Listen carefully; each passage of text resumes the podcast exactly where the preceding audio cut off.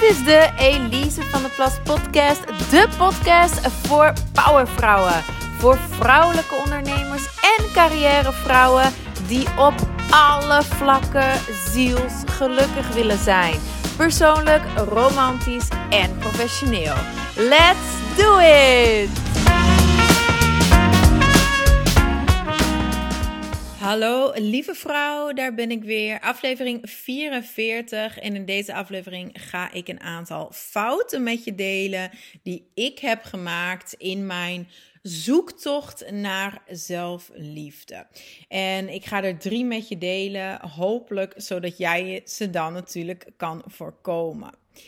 De eerste, we gaan er gelijk in vliegen, is dat ik emoties zag als zwak. Ik zag mijn emoties echt als een zwakte. En dat is een hele hardnekkige, foute overtuiging die ik terugzie in heel veel vrouwen en trouwens ook in heel veel mannen. Uh, ik vond negatieve emoties vooral maar heel vervelend en ik onderdrukte ze dan ook het liefst door bijvoorbeeld veel te shoppen, kei en keihard te werken, mezelf heel druk te houden en af te leiden. En ook soms een wijntje te veel te drinken. Maar natuurlijk werkte dat nooit echt goed, want dat is het ding met emoties. je kunt ze wel onderdrukken, maar als je ze niet verwerkt, dan gaan ze vroeg of laat de kop toch weer opsteken. Um, op een bepaald moment echter begon ik in te zien dat mijn emoties afwijzen eigenlijk gelijk stond aan het afwijzen van een heel groot deel van mezelf. ik was bezig met mijn zelfliefde uh, te vergroten en toen besefte ik dus, ja, een van de eerste dingen die ik eigenlijk moet doen, is echt stoppen met mijn emoties onderdrukken en met mijn emoties afwijzen. Want nogmaals, je emoties afwijzen staat eigenlijk gelijk voor het afwijzen van jezelf. Het is een heel groot deel van wie jij bent als mens. En elke keer als ik in mijn hoofd zei van don't be emotional, don't be emotional, dan zei ik eigenlijk don't be human. En don't be human. Wees niet menselijk. Het is heel bizar. Het was echt een inzicht dat ik heb dat, dat we ook vaak dat we zoiets hebben van nou, we moeten stoppen met zo gevoelig te zijn. Stop met zoveel voelen. Maar je zou toch ook nooit tegen iemand zeggen: stop met zoveel ademen. Ik bedoel, gevoelens is net als ademen. Het is echt een, een part of being human. Je kunt er niet omheen. Um, dus toen ik dat enerzijds inzag, van ten eerste, ik moet hiermee leren leven. Zolang ik leef, is dit een deel van mij. Dus dan heb ik de optie om het te gaan blijven onderdrukken. Maar dat wist ik al, dat werkt eigenlijk niet. Hè? Um, maar ik ga ze nooit helemaal weg kunnen, kunnen halen uit mij. Het is een deel van mij. Dus als ik ze niet kan onderdrukken, als dat niet werkt, als ik ze niet helemaal kan verwijderen, zeg maar, uit mijn leven. Ja, misschien moet ik het dan maar gewoon eens mee leren leven. En dat was dan ook het moment dat ik besefte verrek, die emoties, niet alleen zijn ze niet irritant, niet alleen zijn ze niet zwak, ze zijn superkrachtig. En jouw gevoelens zijn geweldige richtingaanwijzers. En inmiddels kan ik mijn emoties of mijn gevoelens ook echt zo zien. Ik zie het als krachtige richtingaanwijzers. Ik luister erna, ik doorvoel ze, ik verwerk ze. En uh, dat maakt het leven een stuk makkelijker. Um, en heeft ook ontzettend bijgedragen aan meer liefde voor mezelf. En ook echt meer appreciatie voor mezelf als mens. En um, voor hoe, bijzonder we ook gewoon zijn. En hoeveel lagen we hebben. Uh, en dit was een hele belangrijke laag van mij. Uh, wat ik echt wel moest gaan uh, accepteren en liefhebben. Je emoties. Dan het tweede fout is dat ik op een gegeven moment besloot om te settelen in plaats van zelfwerk te gaan doen. Dus op een bepaald moment ging ik mijn standaarden verlagen. En steeds verlagen, steeds lager leggen, omdat ik mezelf niet waardevol genoeg vond. En dat was uiteraard een grove fout. Want zowel in mijn werk als in mijn relaties begon ik steeds meer genoegen te nemen met minder. En dat was pijnlijk. Dat was echt pijnlijk. Dat zat niet lekker in mij dat ik dat deed. Maar helingswerk doen leek me nog veel pijnlijker dan elke keer mijn standaard te verlagen. Dus met andere woorden, mijn comfortzone was, mijn comfortzone was echt fucked up. Hè? Want ik was comfortabeler in slechte relaties ehm, dan uit die comfortzone te komen en dat zelfwerk te gaan doen. En dat, dat was achteraf gezien zo bizar, vind ik zo bizar, dat het fijner voelde om steeds slechter eigenlijk behandeld te worden op alle vlakken in mijn leven. Dat dat minder erg was voor mij dan gewoon echt in de spiegel te gaan kijken, in mezelf te keren en dat zelfwerk te gaan doen. Ehm, dus dat was echt een hele grote fout. Settelen, mijn standaarden uh, verlagen in plaats van zelfwerk te doen.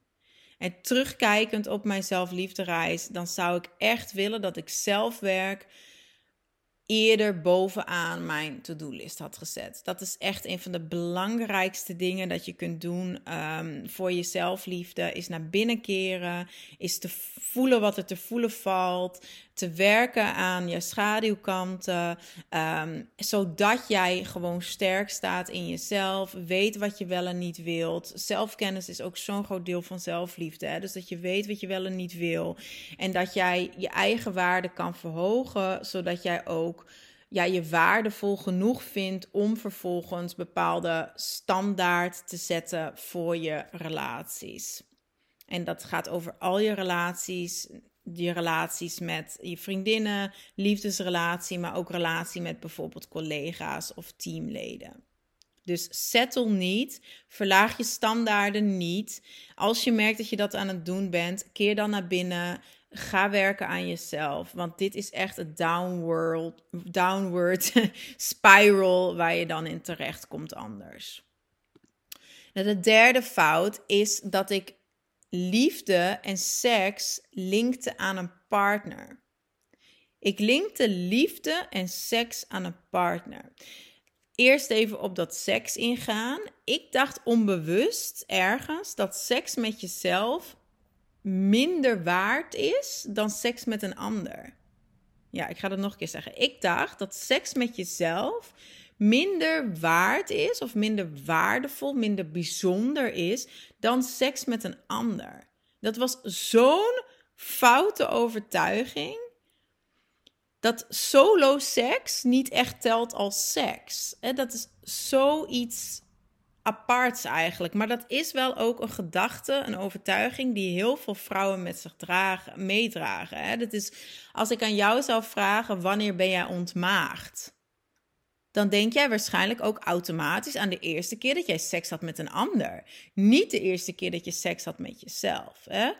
Ehm, maar ja, dat, dat is wel ook seks. Hè? En juist door de liefde te bedrijven met jezelf, het heet niet voor niets ook de liefde bedrijven, kun jij jezelf liefde ontzettend vergroten. Echt waar. Ga seks hebben met jezelf. Het is zo'n geweldige, fijne, onderschatte manier om jezelf liefde te vergroten. Ik zou echt zeggen, zet me even op pauze nu. en ga ervoor. Ga ervoor. Go touch yourself. Echt waar. Raak jezelf liefdevol aan. Knuffel jezelf. Bevredig jezelf. Make love to yourself. Nou, als je inmiddels terug bent naar een lekker potje solo seks, welcome back. maar ik dacht niet alleen dat seks gelinkt was aan een partner, dat fijne, liefdevolle, passionele seks, dat dat gelinkt was aan een partner, maar ik dacht ook dat liefde pas zou beginnen als ik de liefde zou vinden in de vorm van een partner. Maar de liefde begint niet bij een partner. Liefde is er altijd. Liefde is altijd overal om je heen. En als je het heel lastig vindt om het in jezelf te vinden, dan is een van de grootste fouten dat je het dus gaat zoeken in een ander. Dat is het eerste ding. Hè? Dus ik dacht van oké, als ik het vind in iemand anders, als, als ik maar iemand kan vinden en hè, een liefdespartner kan vinden die superveel van me houdt, dan ga ik automatisch ook meer van mezelf houden. Ehm, dat werkt niet. Dat is niet zo. Ik had iemand toen die heel veel van me hield en die elke dag tegen me zei hoe geweldig die me vond en, en noem maar op. Dat had totaal geen effect op mijn eigen liefde. Ik voelde me wel wat vrolijker, maar ik vond vooral hem geweldig. Ik vond niet mezelf daardoor uh, geweldiger. Bovendien is het ook oneerlijk om die verantwoordelijkheid op iemand anders af te schuiven. Het is super oneerlijk om dat te doen, maar je stelt je ook super afhankelijk op. Want wat als al jouw zelfliefde afhankelijk is van iemand anders, ja, wat gebeurt er dan als diegene weggaat? En dat is absoluut geen gezonde situatie. Ik denk achteraf dat er ook dat ik op zoek was naar een soort goedkeuring ook. Hè? Van als iemand anders tegen mij zegt: Jij bent goed genoeg om van te houden. Ik hou van jou, dus jij bent goed genoeg om van te houden. Jij bent dat waard. Dat, ik dan ook van mezelf zou gaan durven houden. Hè? Dus dat ik op een soort goedkeuring zocht. Dus dat was ook een ding, eigenlijk nog een extra fout. Wachten tot iemand anders mij goedkeuring zou geven om van mezelf te gaan halen, gaan houden. Hè? Dus geef jezelf die goedkeuring jij hebt bestaansrecht, jij bent hier met een reden en jij verdient liefde. En jij verdient ook niet pas liefde als jij uh, iemand hebt gevonden die, die tegen de wereld zegt van hé, hey, ik wil met haar trouwen, dus zij is liefde waard, zij wordt geliefd of zo, zoiets bizars. Um, of jij verdient pas liefde als jij iets bereikt hebt, als jij bepaalde uh, prestaties hebt geleverd in je werk of waar dan ook.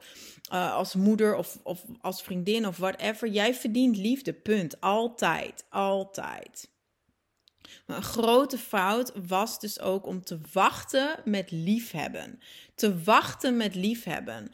Uh, tot ik een soort goedkeuring zou krijgen, maar ook wachten met het überhaupt te willen zien dat liefde dus veel meer is dan alleen de liefde dat je deelt met je romantische partner. Ik, I ja, hoe zeg ik dat?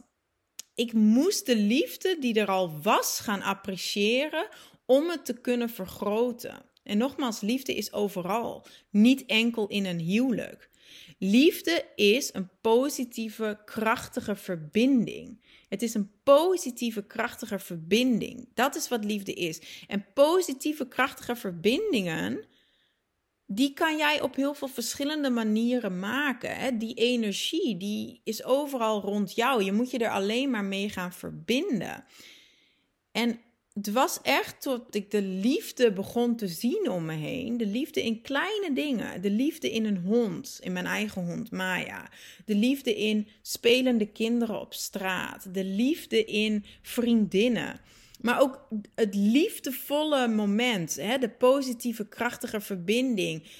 In gewoon het contact met iemand op straat die ik nog niet kende, waar ik in een leuk gesprek mee kwam. Dat is ook allemaal liefde. Dat zijn allemaal positieve, krachtige verbindingen familie, vriendinnen, uh, maar ook bijvoorbeeld tijdens mijn burlesque workshops. Elke keer als ik twee uur lang doorbracht met tien vrouwen die ik daarvoor nog nooit in mijn leven had gesproken, dan voelde ik me geliefd. Dan was er liefde in die zaal aanwezig. Dan was er een positieve, krachtige verbinding tussen ons. Liefde is overal. Liefde is overal. Liefde is een ingesteldheid. Hè? Liefde is een mindset.